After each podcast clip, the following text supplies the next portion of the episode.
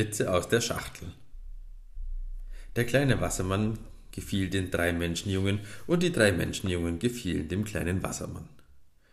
Sie schieden an diesem Abend als gute Freunde. Von nun an kamen die Jungen fast jeden Tag an den Mühlenweiher. Sobald sie der kleine Wassermann pfeifen hörte, tauchte er auf und begrüßte sie. Manchmal saß er auch schon in den Zweigen der alten Weide und winkte ihnen von weitem zu, wenn er sie über die Wiese daherkommen sah. Die Jungen brachten dem kleinen Wassermann jedes Mal etwas mit, Äpfel und Birnen zumeist, eine Quarkschnitte oder ein Honigbrot, hier und da eine Salzbrezel oder ein Stückchen Zucker.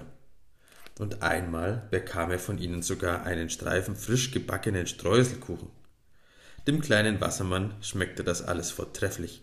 Er fand, dass die Menschenkost gut war, beinahe so gut wie die Wassermannkost. Und er dachte, er würde den Jungen bestimmt eine große Freude machen, wenn er sich dankbar erwiese und ihnen als Gegengeschenk ein paar auserlesene Leckerbissen aus Mutters Wassermannküche zu kosten gäbe. Aber die drei hatten leider gar keinen Appetit auf gebratene Kröteneier mit eingesalzenen Wasserflöhen. Selbst den gedünsteten Froschleich, den Mutter im Frühjahr gesammelt und eingelegt hatte, verschmähten sie. Nicht besser erging es dem kleinen Wassermann mit den Salaten und Algengerichten. Er mochte den Freunden anbieten, was er wollte, sie ließen sich nicht bewegen, auch nur eine einzige Löffelspitze davon zu versuchen. Da gab es der kleine Wassermann endlich auf. Er brachte den Menschenjungen nun nie mehr etwas zum Essen mit. Stattdessen beschenkte er sie mit den schönsten Muschelschalen und Schneckenhäusern, die er auftreiben konnte. Manchmal bekamen sie auch ein paar glitzernde Steine von ihm, wie sie sonst nur ganz selten zu finden sind. Die Jungen freuten sich sehr über solche Geschenke, und auch der kleine Wassermann freute sich, weil er doch nun etwas hatte, womit er die Freunde bedenken konnte. Wenn sie beisammen waren, dann wurde den Vieren niemals die Zeit lang, dann ließen sie flache Kiesel über das Wasser schnellen und zählten, bei wem sie am öftesten wieder emporhüpften. Oder sie spielten Versteck in den Uferbüschen oder sie schnitzten sich Flöten aus Schilfrohr und bliesen darauf um die Wette, bis einem von ihnen die Puste ausging. Die Jungen machten dem kleinen Wassermann vor, wie man Kopf steht und Rad schlägt und Purzelbaum rückwärts schießt, und der kleine Wassermann machte es ihnen nach. Zur Abwechslung durften die drei ihm dann zusehen, wie er die hölzerne Wasserrinne hinabfuhr. Er meinte zwar, es sei gar nichts dabei und sie sollten das auch einmal ausprobieren, aber sie sagten, das ginge nicht, weil sie leider nur Menschen wären. Und Menschen kämen gewiss nicht mit heilen Knochen über das Mühlenrad, das brächten nur Wassermannjunge zu Weg, sie nicht.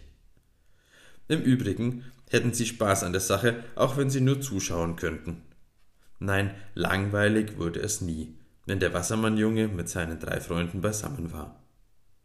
Aber am besten gefiel es ihm nach wie vor, mit den Buben am Feuer zu hocken, Kartoffeln zu rösten und sich den Bauch mit gebratenen Steinen zu füllen. Einmal empfing er die drei mit den Worten Wie steht's? Habt ihr Lust auf ein Erdäpfelfeuer?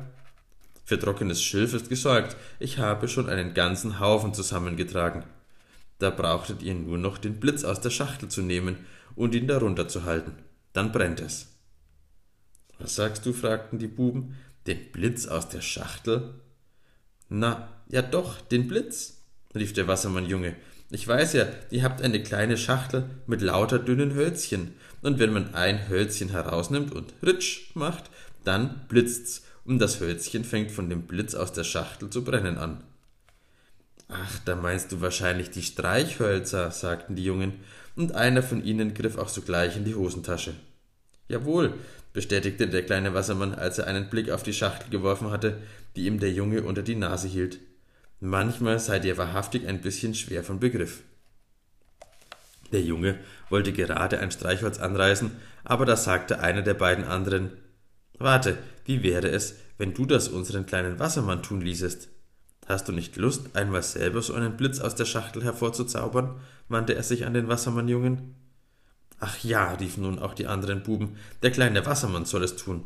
Du hast recht. Der kleine Wassermann ließ sich die Schachtel geben, dann nahm er das Streichholz und setzte es zögernd an. Verbrennt man sich aber bestimmt nicht die Finger? fragte er vorsichtshalber. Nein, nein, beruhigten ihn die Menschenjungen, wenn es dir zu heiß werden sollte, dann bläst du es einfach aus. Es kann überhaupt nichts geschehen. Da ritzte der kleine Wassermann also das Streichholz an, aber weil er der Sache wohl doch nicht ganz traute und etwas zu hastig gewesen war, ging es ihm gleich wieder aus. Nimm ein anderes, sagten die Buben, und lass dir ein wenig mehr Zeit dabei. Das befolgte er. Diesmal gelang es ihm. Stolz hielt der Wassermannjunge das brennende Hölzchen unter das Schilf. Da schlugen die Flammen prasselnd empor, und er freute sich. Gut so für einen Anfänger, lobten ihn seine Freunde. Und der, dem die Schachtel gehörte, fügte hinzu, wenn du willst, kleiner Wassermann, darfst du die Schachtel behalten. Ich schenke sie dir. Und die Hölzchen auch? Ja, natürlich, die Hölzchen auch, versicherte ihm der Junge. Wie wolltest du sonst einen Blitz aus der Schachtel hervorbringen? Da fehlte nicht viel, und der kleine Wassermann wäre dem Jungen vor Glück um den Hals gefallen. Jubelnd warf er die Streichholzschachtel hoch in die Luft, fing sie auf, warf sie wieder empor. Zwischendurch patschte er voller Begeisterung in die Hände. Dann plötzlich schob er die Schachtel in seine Jackentasche, machte kehrt und rannte dem Weiher zu. Holla, was hast du denn? riefen die Jungen verdutzt. Aber der kleine Wassermann hörte sie nicht mehr. Er war schon mitsamt seiner Schachtel kopfüber ins Wasser gesprungen.